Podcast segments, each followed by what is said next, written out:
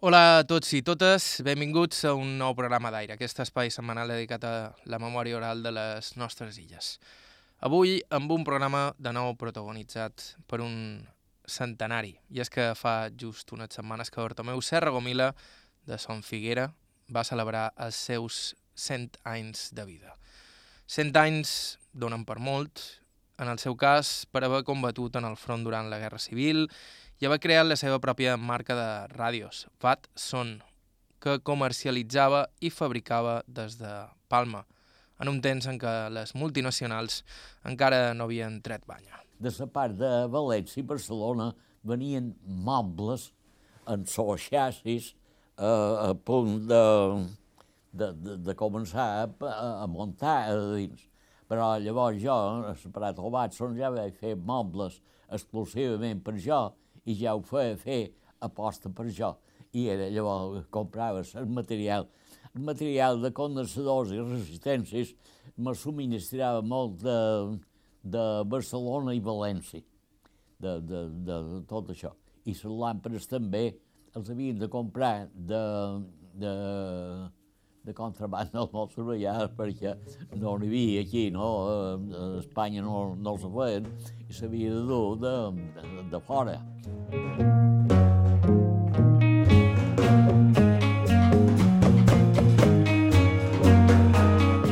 Just complerts els 100 anys, Bartomeu Serra conserva un capet prodigiosament clar i una salut envejable.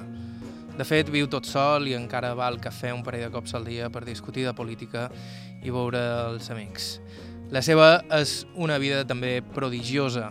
Ha viscut i tocat en les mans la transició del món rural i pagès de la seva infància en aquest altre món d'avui en dia, un món que en part varen crear persones com ell. Per Tomeu Serra és un home i és un segle, així que és una sort poder sentir els seus records. Estau escoltant Aire a IB3 Ràdio, vos parla Joan Cabot, començam.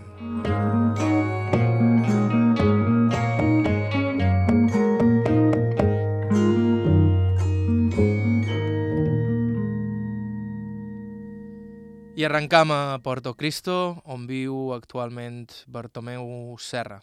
Més que Bartomeu, Tomeu. Tomeu Serra Gomila, I quan vareu néixer? el dia 7 de gener de l'any 1909, cent anys, sí. Estava en una possessió, una possessió neta d'aquí, de, de sa, del terme de Manacor, perteneix. I van estar una temporada fent feina, però des d'allà anàrem a la possessió de, de Son Figuera, que està entre Falanitx i Manacor, que és d'un senyor, de, era d'un senyor de, de Falanitx, ara ja s'ha traspassat diverses vegades. En aquell temps, que això, eh, jo de vegades sent eh, algunes persones que diuen de lo que passava aquell temps, i jo no considero molt amb ell, perquè aquell temps era un temps millor que el d'avui. I els que s'ho passaven més bé eren els camp, perquè sembraven arbres de tota classe i teníem sempre i de tot i, i d'això. I els que estaven en el poble només tenien, en aquell entorn no hi havia més que botilles i, i un poquet de verdura de les botilles. Això és el que hi havia. Eren cinc germans, tres homes i dues dones. Des luego no queda ningú més que jo, perquè jo era el petit de tots. Entonces tots els altres, i, i, els, i els que me precedia eh, me guanyava d'haver cinc anys, o sigui que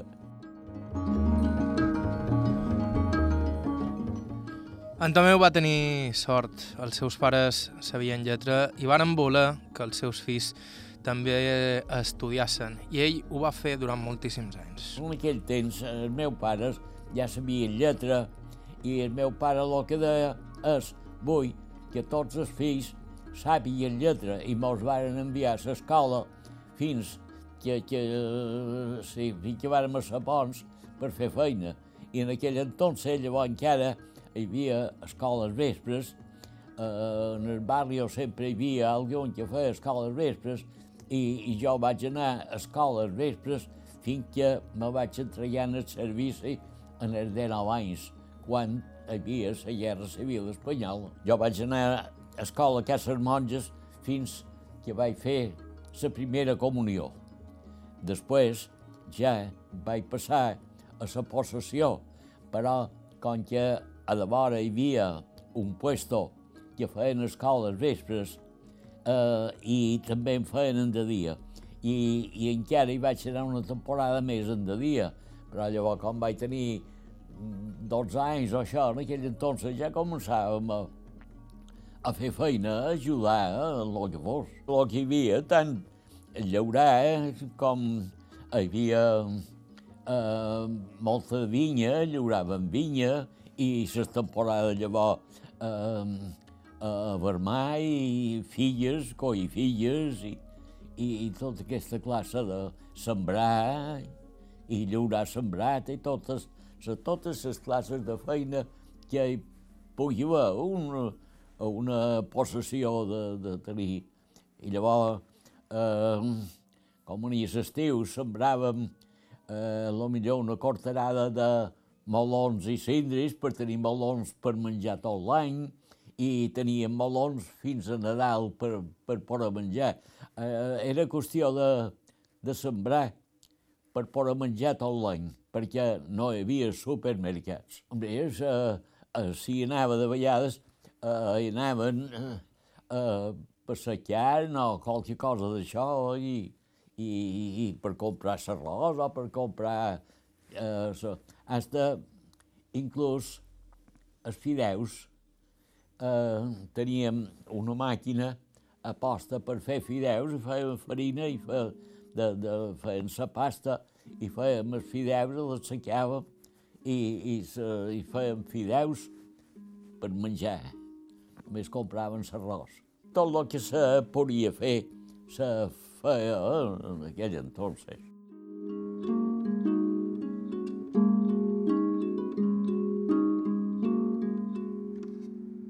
Sí, hi havia, hi havia molta de feina que fer, la possessió tot l'any, no d'això. Però, vamos, tampoc no era qüestió de, de fer feina, matar-se.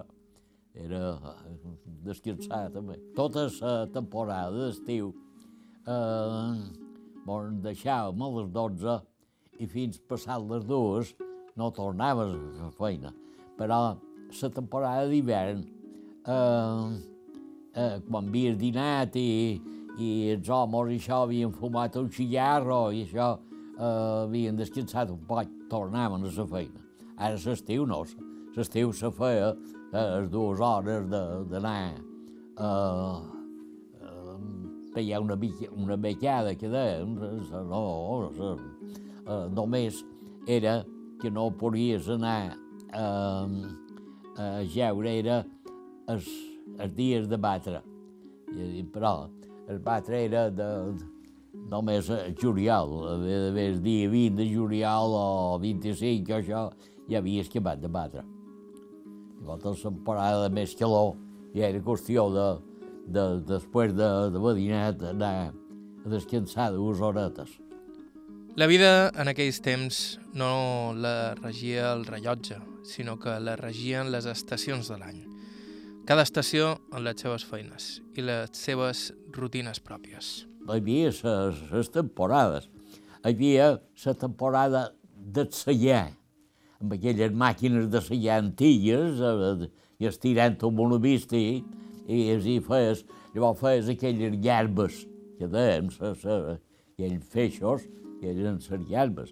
Llavors les havies de traginar de cera, i llavors se batia en ses, en ses vistis i aquell carreton de batre, i te passaves una vintena de dies, cada dia, cada dia de cera, i, i la part de, de matí fins a migdia baties i llavors amb so, hora baixa, en so vent, llevaves la paia, feies el granet i, i, i cada dia era la feina del batre. Després, llavors, després d'haver matut, llavors venia eh, final d'agost o això, ja hi havia malles que va de coir, eh, i després de, de les meldes ja venien vermar, eh, perquè a totes les possessions hi havia vinya, hi havia meldes, i hi havia moltes filles.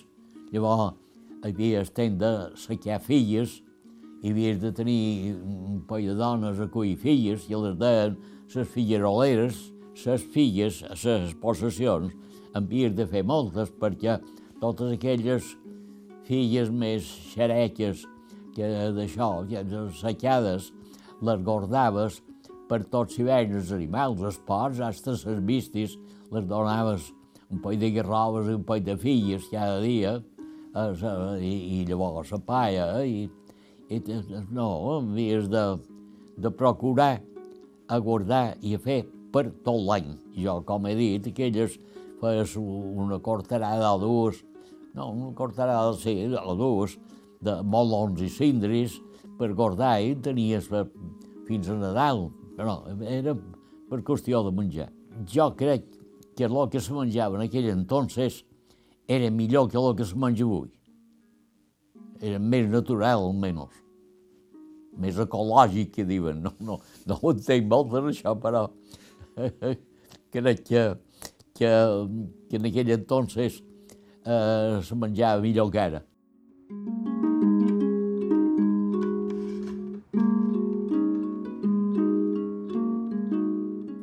matances, també. Sí, ja ho crec, sí. Se feia la matança i, i se feia la sobrassada per tot l'any. I en aquell entonces no hi havia geleres, però a que, que no era, que no feia sobrassada, quedaven eh, allà hi ha les possessions i quasi totes la gent que feia matances, a tot els ossos d'esport quedava una miqueta de carn aficada en el i aquella carn, aquells ossos, de tot una les guardaven i, i perquè sense gelera les posaven. A dins un fabis tapats en sal, tot ben, ben en sal, ben tapat, ben tapat. I allò, eh, aquelles cases de camp normals, amb paret gruixades i tot això, no entrava la calor de dins i, i durava molt de temps. I llavors fes, anaven en sa, amb aquells ossos de carn i patata i col, fes un bollit i, i, i menjaves aquella carn aferrada a sos i era boníssim allò. Un, un, un bollit d'ossos de porc, eh, en aquell entonces, era una cosa que estava molt bé, molt bona. No ens aprofitaven res i llavors es, normalment, quan feien les matances, convidaven tots els veïnats i, i, i feien, després d'haver arreglat el porc i això, llavors feien el sopar de matances i convidaven, llavors anaven els, els parents i això, i feien un gran sopar. No, feien, se divertien en aquell temps, eh, tant com ara, i jo crec que aquell temps era millor que el d'avui, no ho sé. Llavors, eh, va fet el, el sopar vespre, fèiem una miqueta de ball, i, això sempre n'hi havia que, i jo en tenia un, i, i diversos que tenien gramòfonos i discos, i allà posaves eh, eh, un disco i música per ballar un, un rato. Llavors, quan feies les matances, els més joves, eh, en de dia, a l'hora baixa cercaven llenya i feien un carmull, i llavors de llenya i al vespre, a l'hora de sopar, encendien, encenien un fogueró i, i això. I era tot un divertiment en aquell costum d'aquell temps. I sobre divertiments i els costums d'aquells temps en continuarem parlant després de la pausa. Escoltàvem Tomeu Serra, 100 anys recent fets, quasi res. Fem una aturada i continuem.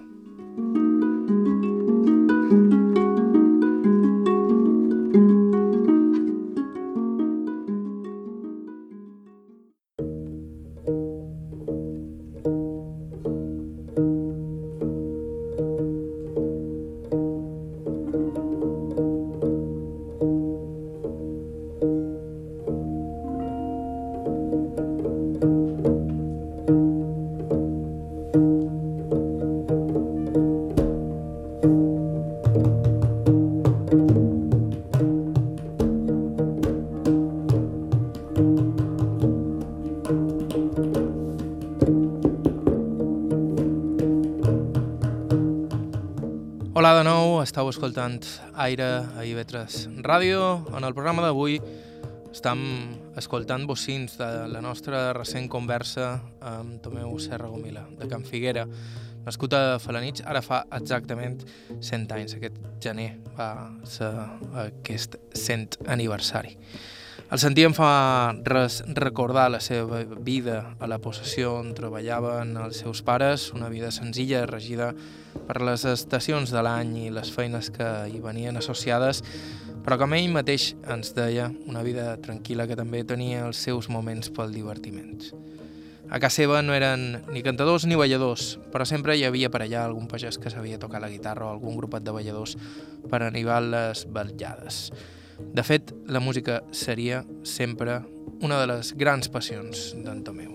Aquí nostre no hi havia cantadors, però eh, sempre hi havia això, eh, veïnats o qualcú, i sempre alguns veïnats i això se teníem guitarres i guitarrons i hasta eh, havia un veïnat que traia un violí i això, i, i, i, anaven a les cases que, que, de tot el seu contorn a tots els barris hi havia uh, gent que sabia tocar un pot la guitarra i guitarró i, i, sabien uh, uh, qüestió de, de ball o, o per dobles o, i també de, de pagès, però ja, ja hi havia això, però de pagès, sí.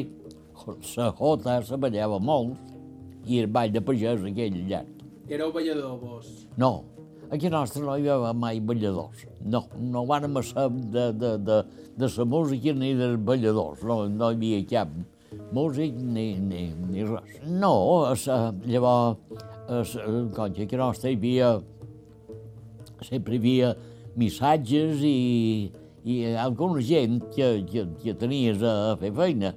I els vespres, eh, per passar els temps, les balades de, d'hivern, perquè l'estiu no hi havia temps de res, era qüestió de feina.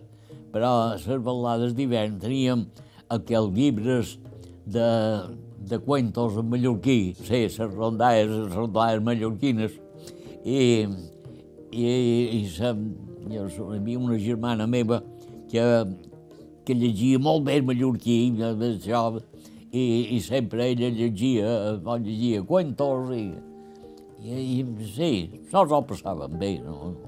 I sempre, eh, llavors, si és la temporada d'aquestes d'hivern, en aquella ximenea dins la cuina plena de foc, i allò t'esciofaves un, un bon rato i després de sopat, i fins que era hora d'anar a jeure, perquè el cent demà al matí han començat a veure ja de vida, així que anaves a sosal, no, no, no anaves a sola, a sola. I en l'estiu no teníeu ni temps ni, ni d'això? Sí, en l'estiu no, no, no, no, no podies contar cuentos, perquè hi havia, hi havia feina. I, i la temporada llavors, després de, del batre ja començaven llavors les meles, les filles, i, i hi havia molta feina.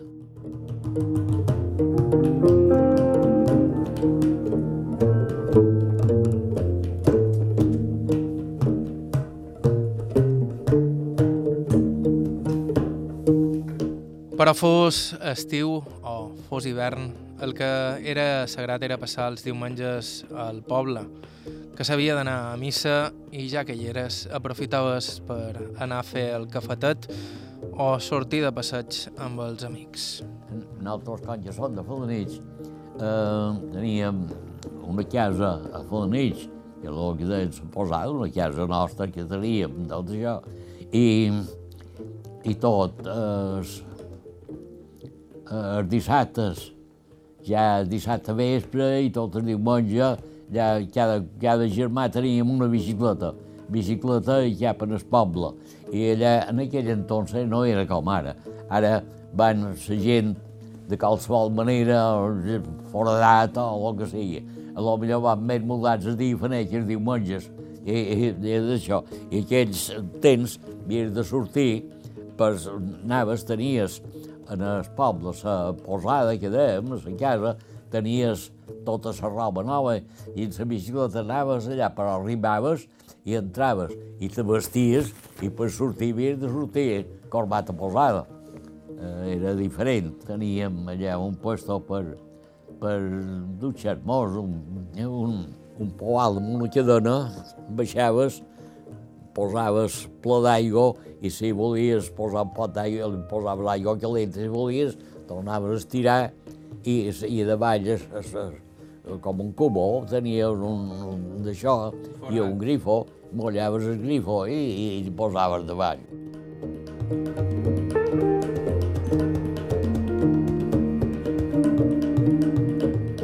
Sí, diumenge era qüestió sortir i anar a missa. I, i, i els seus companyeros en el cafè i sortir a passejar per, pel carrer Major i, i això, i, i quatre voltes. Sí, oi, sí, sempre, en el poble sempre hi ha hagut cine, anàvem a vegades al cine.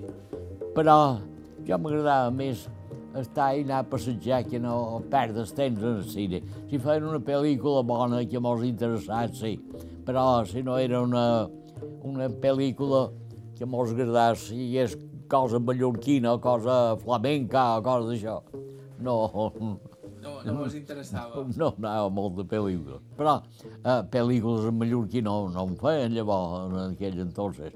Però sa, sa, el cant en mallorquí que feien festes per fora vila també m'agradava, aquelles que cantaven jotes i mateixes i, de, i tot això, anava bé. El cine, si no era una pel·lícula que hi és coses de, de, de cant que m'agradaven, no.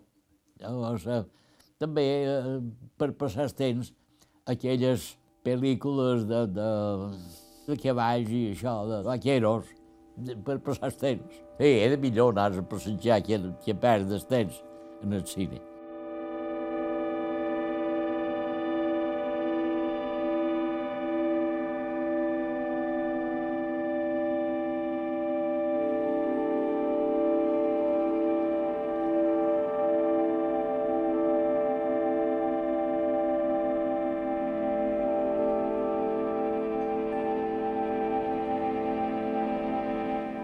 Aquella vida pacífica va canviar radicalment el 1936, quan va esclatar la Guerra Civil, tant per a ell com per a tota la seva generació. Tomeu Serra va incorporar-se a files el 1938, quan tenia 19 anys, i va ser enviat al front d'Extremadura. No, voluntari no. En els 19 anys doncs, ja va tocar a la, quinta del 40, eh, en els 19 anys me'ls vàrem incorporar. Jo vaig a ser dels, dels altres dos germans, no hi vàrem haver. Més vaig a ser jo, però mira, ho vaig superar i, i, vaig sortir il·lès. Quan va començar la guerra era l'any 36 i en els, jo tenia 17 anys i quan vaig tenir 19 anys, i era el 38, eh, me vaig incorporar i vaig estar un any a guerra, del, del bril del 38 en el bril del 39, que va acabar la guerra. Eh, jo estava en el frente d'Extremadura, de vora Monterrubio, eh, per aquella zona. És un puesto que...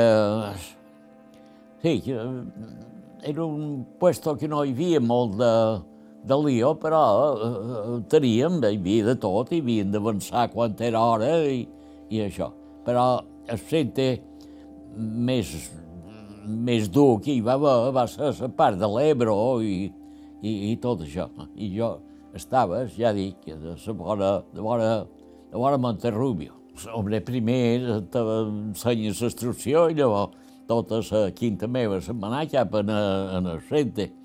Uh, jo sí mateix vaig dur una miqueta de sort perquè uh, uh, el frente estava del LACE en so comandant del LACE. Llavors, en aquell entonces no hi havia telèfon mòbil i resulta que el, el comandant d'un puesto vigilava i mirava per on, per on havien d'anar això. I jo eh, em donava un paperet escrit i jo el duia cap a, en l'oficial de, de, de la companyia, el que havia de fer, el que havia d'anar. Jo era l'enlace. feia de telèfon mòbil, perquè en aquella entonces no n'hi havia. De vegades havia d'anar mig quilòmetre o a prop d'un quilòmetre d'un puesto a l'altre per dur la consigna, que diríem, el paperet. I era perillós? Sí, sentia xiular les bales, però eh, no hi havia més remei, sí, hi havia qualque arbre, sempre eh, cercaven de la part de darrere eh, els puestos coberts, per dins els rellerons, que diríem, on no era tan perillós, fins en el moment d'arribar eh, a la trinxera. I, en fi, sempre havia perillós, però no hi havia més remei que haver de fer servici que te, que te mandaven. Damunt la trinxera pegaven tirs sempre eh, ratos eh, quan era necessari, però jo ni siquiera per anar en sopa per a aquest sol no duia fusil. Només feia aquesta feina, jo. Però els que estaven a la trinxera, naturalment, eh, quan hi havia que disparar, no tenim remei que disparar.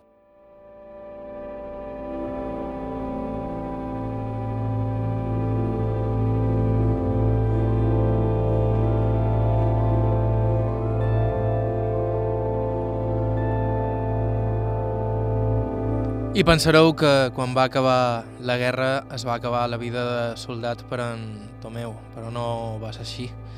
En realitat encara li quedaven uns quants anys per llicenciar-se al motiu la Segona Guerra Mundial. Així tot, en Tomeu va aprofitar el temps per estudiar i un cop instal·lat a Palma festejaria i es casaria amb la que encara és la seva dona. Una vegada que vaig la guerra, jo com que perteneixia en els a la part d'Andalusia, perteneixia a, a Sevilla, el nostre batalló. I quan vaig a la guerra, vaig anar eh, cap a Sevilla, vaig estar dos anys en el corter del duque de Sevilla. Però llavors vaig dur una miqueta de sort perquè com que de Mallorca havia sortit molta gent cap a la frente, perquè aquí no hi havia... Llavors faltava gent i varen dur gent cap aquí, de, de la península cap a Mallorca. I jo vaig per venir a Mallorca i vaig estar a Sanitat a darrers quatre anys. A Mallorca estava a Sanitat. Estava un puesto està molt bé. Ara no existeix. Eh? En aquell entonces hi havia hospital militar i hi havia una companyia de sanitat.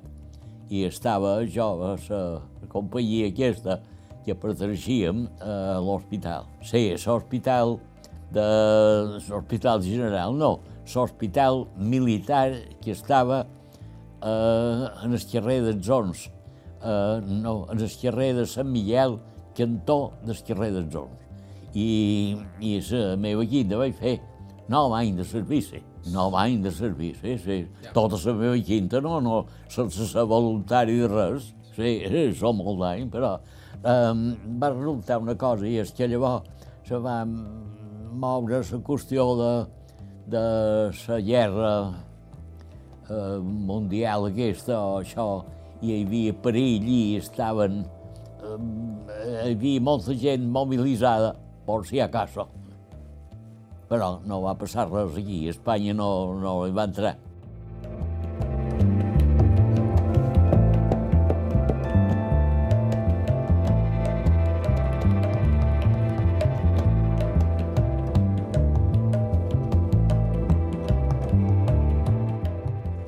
Recient llicenciat, quan jo ja festejava, eh, vaig casar i ja quedàrem a viure a Palma. La meva dona estava del barri de Sant Figuera, o sigui que ja la coneixia de molt de, de temps i conegut de, de, de, de la família i això. I, i, i llavors, ja quan ja, ja estava a Palma i això, pues, eh, quan anava de, de permís aquí nostra, ja sorties per barri o amb una... I, i ja vaig començar a sortir amb ella i, i quan eh, me llicenciaren ja, ja teníem eh, de, de, de, de molt poc temps, escat d'un mes o això, ja mos varen casar, perquè ja fa estona que jo vaig estar quatre anys a Palma, a la, a sanitat de, de, de soldat. Al principi varen viure eh, en la part dels hostalets, la part del Barguell, però ja tot d'una que vaig a Palma, quan ja vaig ficar en la ràdio, ja vaig comprar un solar i, i varen fer primer una planta baixa i, i ja anàrem a viure a la part de, en es, de vores fortí. Eh, els hostalers estaven en aquell entonces separats, però ara ja tot, tot fins, fins més amunt. Sí, sí, no, els, els, els hostalers era a part de, com un petit poble.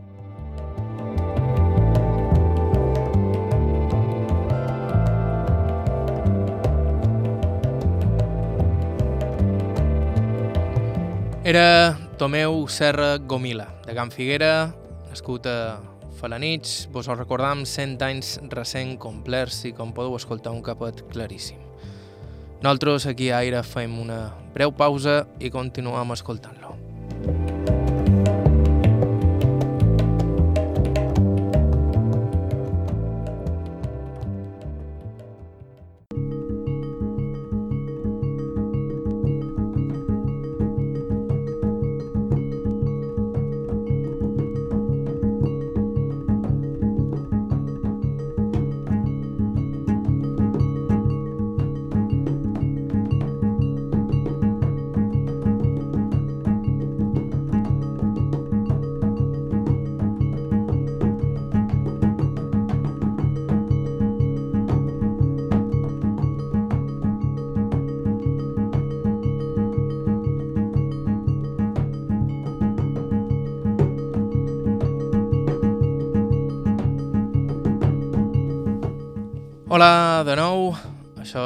TV3 Ràdio estàu escoltant Aire, aquest programa setmanal sobre la nostra memòria oral. Avui amb un programa de nou protagonitzat per un centenari, en concret Tomeu Serra Gomila.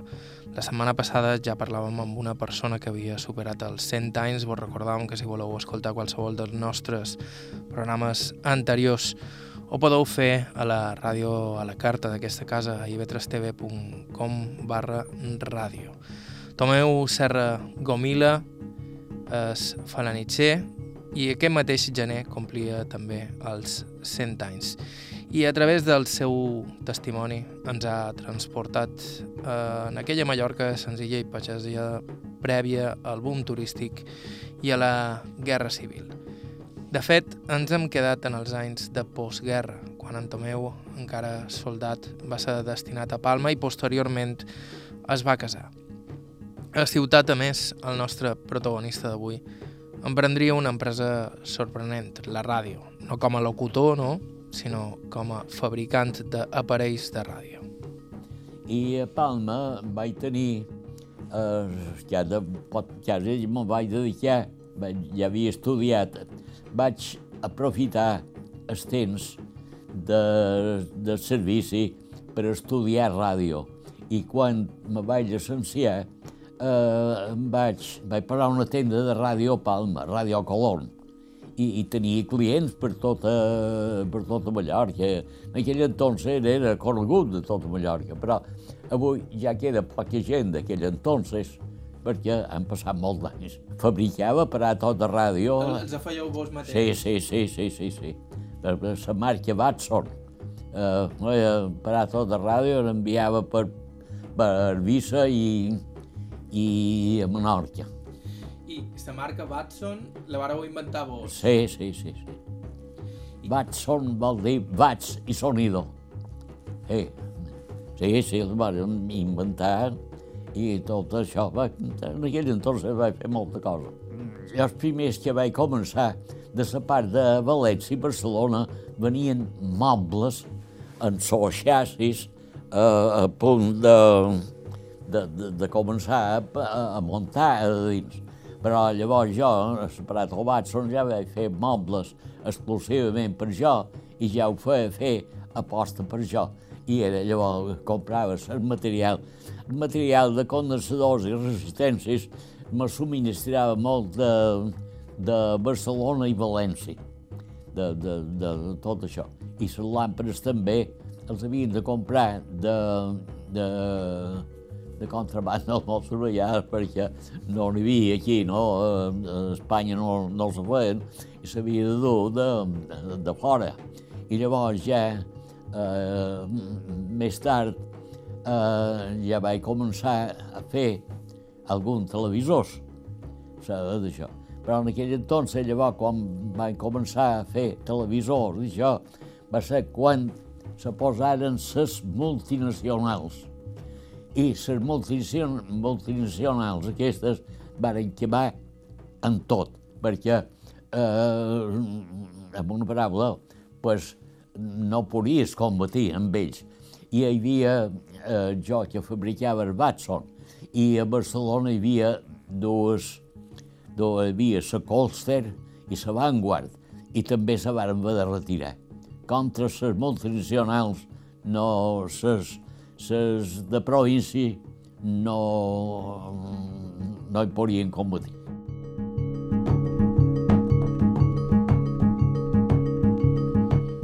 La marca Batson i sobretot el negoci Radio Colón els recordarà més d'un dels nostres oients, sobretot els més grans.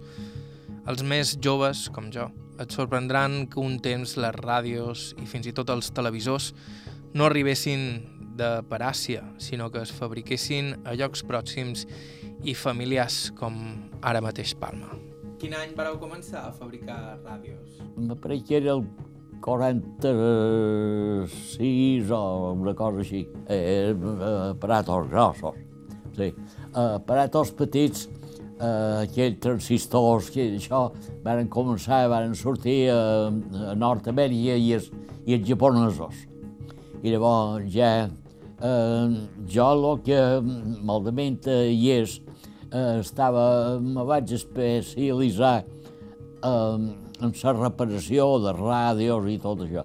Llavors, quan van sortir tots aquells aparatos eh, transistors i aparatos portals i petits, eh, jo era especialista en so arreglar aquests eh, tipus d'aparatos.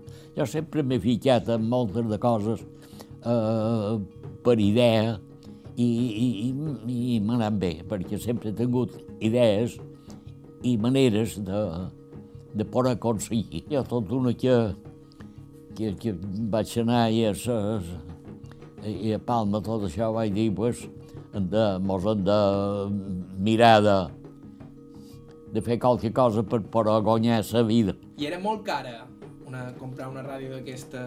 Jo tenia aquests, aquests aparatos, més o menys, d'això, valien en aquell entonces unes 3.000 pessetes. El, el treballador no ho podia comprar al comptat. Però jo sempre he tingut idees que m'han donat resultat. Eh, no hi havia més que una casa, o una altra casa, a Palma, que feia aparatos de ràdio i els venia, però no volia vendre més que a 30, 60 i 90. Tres lletres com a màxim i, i, i tot això. I jo eh, la idea meva era eh, vendre molt. I, I me va sortir una idea que me va anar molt bé. Eh, aquells aparatos de ràdio, més o menys, els venia, ja dic, 3.000 pessetes, i el treballador no podia comprar una ràdio 30, 60, 90, però el treballador, eh, a lo millor 1.000 pessetes, eh, les tenia per, per poder adelantar. I jo vaig posar que d'entrada mil pessetes i llavors lo de més, les altres dos mil, a tres anys, a pagar un poc cada setmana. I així era la manera de vendre. I jo, com que el material d'aquell entonces per muntar la ràdio te costava mil pessetes i les dos mil eren llenant-se, ja cobraves les mil i ja feies, es, ja recuperaves el, el llasto i lo de més, eh, ja tot el que cobraves després era llenant-se i és, era l'única manera d'estar. De, Idees que a lo millor un altre no ho hagués fet o no hi va pensar o el que sigui.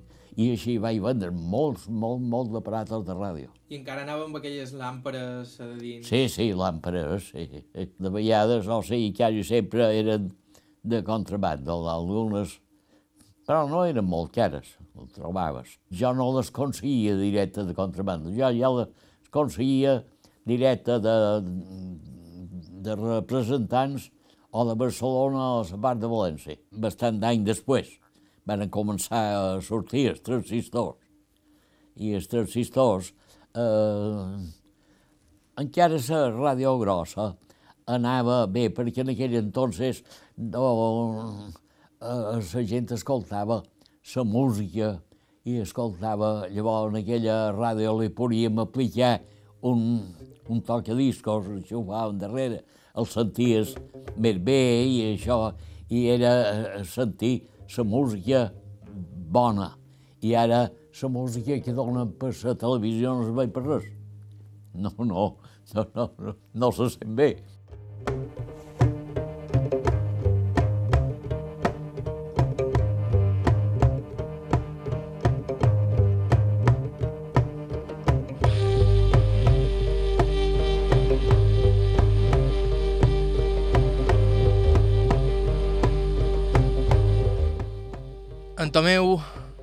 Fabricava ràdios i la ràdio en aquells anys era el mitjà de comunicació més important. De fet, en el seu taller, a Ràdio Colón, donava feina per un bon grapat d'operaris. A més de tota aquella gent que feia feina per ells des de casa, reparant no sols els transistors que ells mateixos fabricaven, sinó també les ràdios que es feien als radioaficionats en el taller de vegades hi havia, eren quatre o cinc eh, operaris que tenia, però quan feia aparatos de ràdio.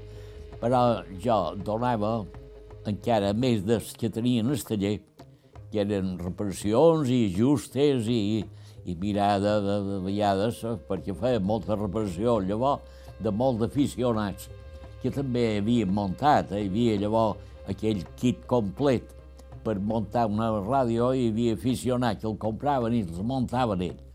Però de vegades llavors no funcionava bé, el que duien per ajustar-lo, per mirar d'arreglar-lo, i, i, i sempre quatre o cinc operaris.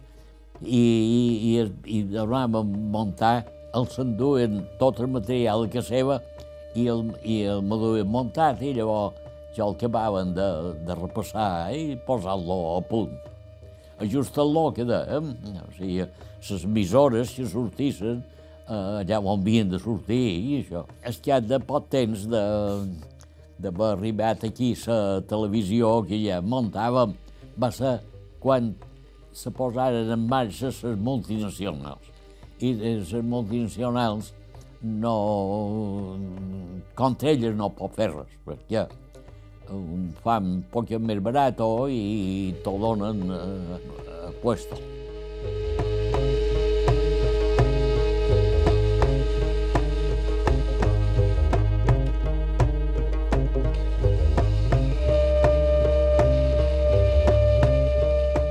Jo m'agradava escoltar la música bona en aquell entonces. Sí, home, de tota classe de, de, de bon sonido i bona música, eh? sa, sa, i també les notícies, eh?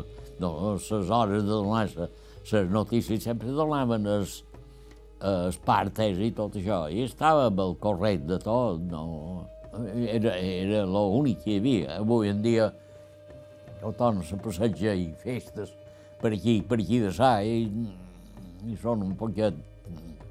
Pot diferent, tot. És, és molt diferent.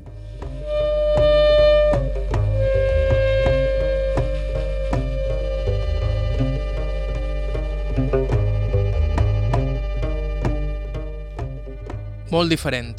Aquesta és Tomeu Serra Gomila, 100 anys, que es diu ben aviat.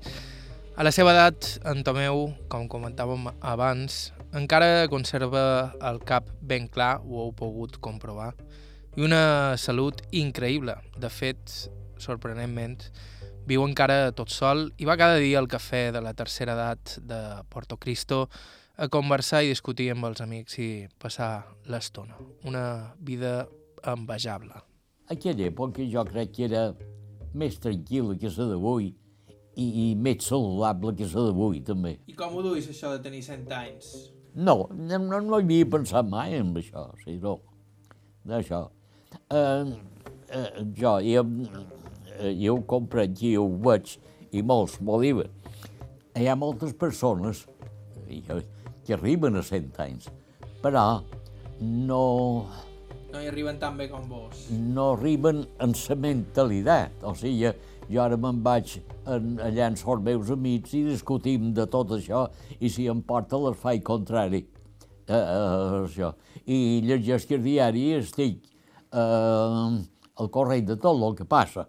I, i n'hi ha molts de, de la meva edat que això no ho tenen. O sigui, el que jo tinc és la men mentalitat clara igual que, que ara fa 30 anys.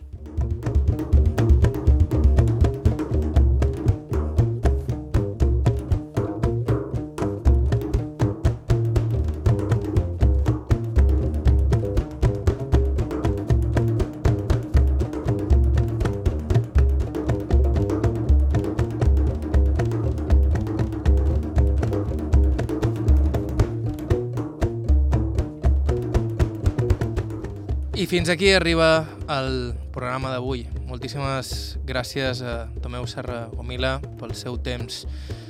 Nosaltres tornem la setmana que ve amb un nou programa d'aire.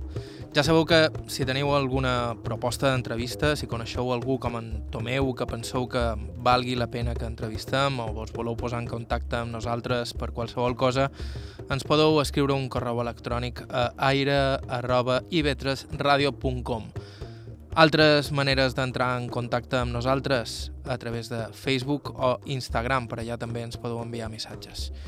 I si voleu tornar a sentir el programa d'avui des del principi o bé voleu escoltar qualsevol dels nostres programes anteriors, ho podeu fer a la ràdio La Carta, ivetrestv.com barra ràdio. També vos recordant que vos podeu subscriure al nostre podcast a qualsevol dels serveis habituals a través de iTunes, a través d'Android, etc etc. Bàrbara Ferrer i Margalida Mateu a la producció executiva, Joan Rado a la producció tècnica. Vos ha parlat Joan Cabot. Ens acomiadem fins la setmana que ve.